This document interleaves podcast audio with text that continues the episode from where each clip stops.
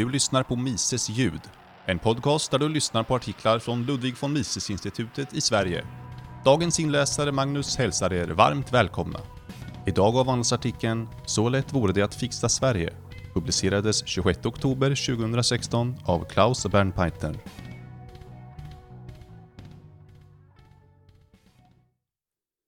Det är uppenbart att Sverige är trasigt på många sätt. Ju trasigare det blir, desto ivrigare blir härskarna att fixa. Och ju mer de fixar, desto mer går det sönder. Som normalbegåvad tycker man kanske att det borde se ett mönster. Men egentligen vore det oerhört lätt att reparera Sverige. Det räcker med att man slutar fixa på riksnivå och återlämnar makten till lokalsamhällena. Ja, helst bryta upp landet Sverige i autonoma småbitar. Självstyrande landskap vore en bra början. Men helst ner till städer och byar. Jag har lärt alla mina barn cykla. Efter att jag lärde sonen cykla insåg jag mitt misstag. Han började nämligen snart cykla ner för backar som var för branta för min smak. Det gick fort och det såg vingligt ut och han älskade det. För mig såg det ut som att han enbart tack vare tur inte ramlade. Efter ett tag stod jag inte ut längre och tog tag i pakethållaren för att hjälpa honom hålla balansen och sakta ner lite. Det var första gången han cyklade omkull och slog sig. Här någonstans finns en lärdom. Så länge han cyklade ostört kände han reflexmässigt hur han måste justera styret och förflytta kroppsvikten för att hålla balansen. Hans balanssinne registrerade cykelns rörelser och återkopplade styrsignaler till musklerna. När jag i all välmening la mig i och fixade störde jag återkopplingen. Det blev signalbrus och pannkaka. Återkopplingen är en nödvändig mekanism för att människor ska uppföra sig socialt och bli konstruktiva delar i ett civiliserat samhälle. I ett fritt samhälle blir den som uppför sig väl belönad med uppskattning, förtroende, kärlek, inkomst och ett gott liv. Den som gör rätt får positiv återkoppling. Det lönar sig att anpassa sig efter rådande normer. Den som uppför sig asocialt blir däremot vederbörligen straffad med utfrysning ensamhet och fattigdom, negativ återkoppling, som uppmuntrar till skärpning och social harmoni. Det uppstår en incitamentstruktur som motiverar människor att uppföra sig enligt rådande normer. Om återkopplingsmaskineriet saboteras belönas inte längre gott uppförande och dåligt uppförande straffas inte. Det är början på decivilisation. Ett populärt sätt att störa återkopplingen är att införa en stat Ibland tycks det som att statens kärnverksamhet är att uppmuntra asocialt beteende och straffa gott uppförande. Det är åtminstone en vanlig bieffekt. Särskilt idag när den demokratiska staten från högsta ort till och med uppmuntrar normkritik och tycks tro att dess uppgift är att belöna normbrytare. På så vis arbetar den aktivt för att upplösa samhällets samhällshållande shit, de gemensamma normerna. Inlägg på Twitter från Skatteverket. Det effektiva med normkritik är att normen bara märks när den bryts. Hashtag mångfald. Tips. Testa att kritisera och bryta skattebetalningsnormen. Låt oss som konkret exempel på en av statens många återkopplingsförstörande komponenter titta på välfärdsstaten.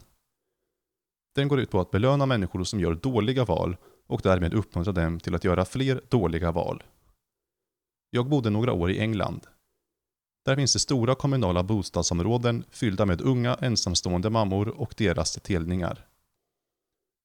De som hade fler än ett barn hade de oftast med olika fäder. I brist på närvarande fäder växte många av pojkarna upp till legister som inte sällan terroriserade sina egna mammor. Jag undrade över dessa märkliga så kallade council estates och fick till slut veta att alla kvinnor som var minst 16 år, ensamstående och hade barn fick en lägenhet av kommunen.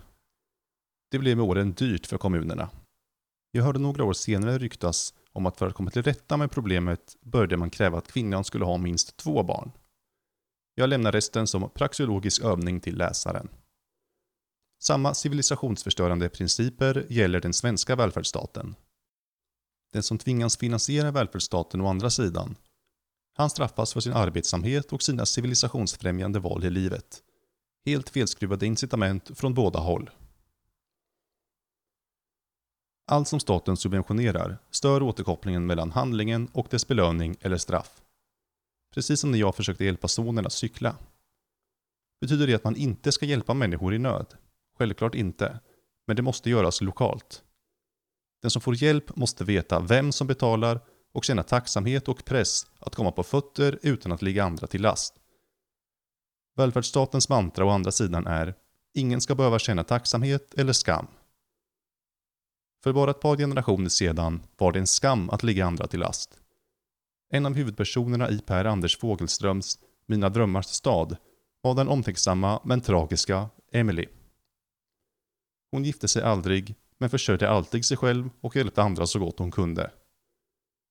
Genom hela livet hade hon ett skrin där hon förvarade tillräckligt med pengar för sin egen begravning. In i det sista skulle hon inte ligga någon annan till last. Välfärd fungerar utmärkt när det är nära mellan givare och mottagare. Och så blir det naturligt när samhällsenheterna är små. Det är inte bara välfärd och medmänsklighet som fungerar bättre när samhällsenheterna är små och återkopplingen blir tydlig. Det gäller även den för civilisationen så viktiga frågan om hur man håller politikerna i schack och tvingar dem att underkasta sig samhällets normer istället för att upplösa dem. Inom styr och reglerteknik är återkoppling ett nyckelbegrepp. När du kliver in i duschen på morgonen får du rätt temperatur genom att känna på vattnet och samtidigt vrida fram och tillbaka mellan varmt och kallt tills det känns behagligt. Återkoppling. Anta nu att duschslangen vore 50 meter lång. Då blir det lång fördröjning mellan det att kranen justeras tills effekten känns. Det blir mycket svårt att reglera vattentemperaturen med återkoppling. På samma sätt är det med en stor stat. Ju större staten är, desto längre slang är det mellan undersåtarna och överheten. Dessutom kan den lättare skydda sig med säkerhetspolis och åberopa nationell säkerhet. Folkets missnöje över politiska beslut når inte överheten på länge och den strider inte nämnvärt i skinnet på Reinfeldt, Löfven och kompani när de bedriver politik på tvärs med samhällets normer. För att hålla politiker i schack krävs att brevlådeprincipen upprätthålls. Politikerna måste bo så nära undersåtarna att de regelbundet träffas på ICA och kan påminnas om att “jag vet vart din brevlåda bor”. Men trenden har i alla tider varit mot större statsbildningar, inte mindre. Kommunalförordningarna från 1862 la grunden för dagens kommunsystem. Då bildades 2500 kommuner baserat på de gamla socknarna. Samtidigt införde man så kallat självstyre. På 1940-talet hade över 500 kommuner färre än 500 invånare. Ur frihetssynpunkt är det idealiskt. Brevlådeprincipen blir kännbar. Men trots självstyret la staten med tiden allt högre krav på vad kommunerna var tvungna att tillhandahålla. I fria samhällen spelar befolkningens storlek ingen roll. Men med tunga pålagor från centralstaten om obligatoriska tjänster fungerade inte längre små enheter. År 1952 var det dags för kommunreform och när det var klart återstod bara 900 kommuner. Statens pålagor fortsatte trots självstyret att öka och redan 1962 blev det dags för kommunreform igen. När dammet lagt sig återstod 282 kommuner. Nästan bara en tiondel av de ursprungliga 2500. Dagens kommuner har nästan inget självstyre kvar de är underkastade kommunallagen som detaljstyr deras verksamhet. Ur ett internationellt perspektiv sägs Sverige vara extremt hårt toppstyrt. Det blir därför naturligt att sammanslagningarna fortsätter. Nu senast i somras var det sex nya storregioner som skapades och det är samma visa varje gång. Enligt utredaren Barbro Holmberg är en omorganisation nödvändig då flera av dagens län inte klarar nutidens utmaningar på egen hand. Målet med regionombildningen är att minska byråkratin och förbättra effektiviteten inom framförallt vården och på många håll blir det stora förändringar. Dessutom pågår kraftig centralisering inom polisväsendet, skolan, vården, bank, finans, näringsliv och statens andra verksamhetsområden.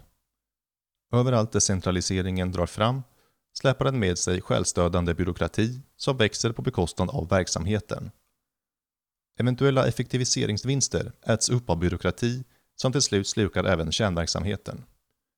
Och utanför Sverige pågår mellanstatlig centralisering inom EU, IMF, OECD, FN med mera. Varje gång staten effektiviserar och konsoliderar hamnar överhetens brevlådor ännu ett steg längre bort och återkopplingen blir sämre. Möjligheten till politiska beslut i strid med samhällsnormer ökar och destabilisationen tilltar. Men fria samhällen behöver inte rita om sina gränser för att klara verksamheten. Det är lika lätt för en by med 10 personer att finansiera 10 personers behov som det är för en stad med en miljon att finansiera en miljon personers behov. Så länge inte utomstående bestämmer vilka tjänster som måste tillhandahållas. Och ju mindre enheter, desto lättare är det att hålla politiker i örat. Att reparera Sverige är lätt i teorin. Man behöver bara lossa centralmaktens dödsgrepp om lokalsamhällena och helst bryta upp Sverige i autonoma småbitar. Låt sedan återkopplingen och belöningsmekanismerna verka fritt på alla nivåer och skapa incitament för civilisation. Men även om det vore lätt i både teorin och praktiken är det svårt i politiken. För de styrande släpper inte frivilligt taget om sina domäner.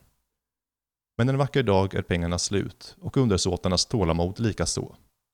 Då är det dags att med Karin Boye ropa Bryt upp, bryt upp, den nya dagen gryr. Oändligt är vårt stora äventyr.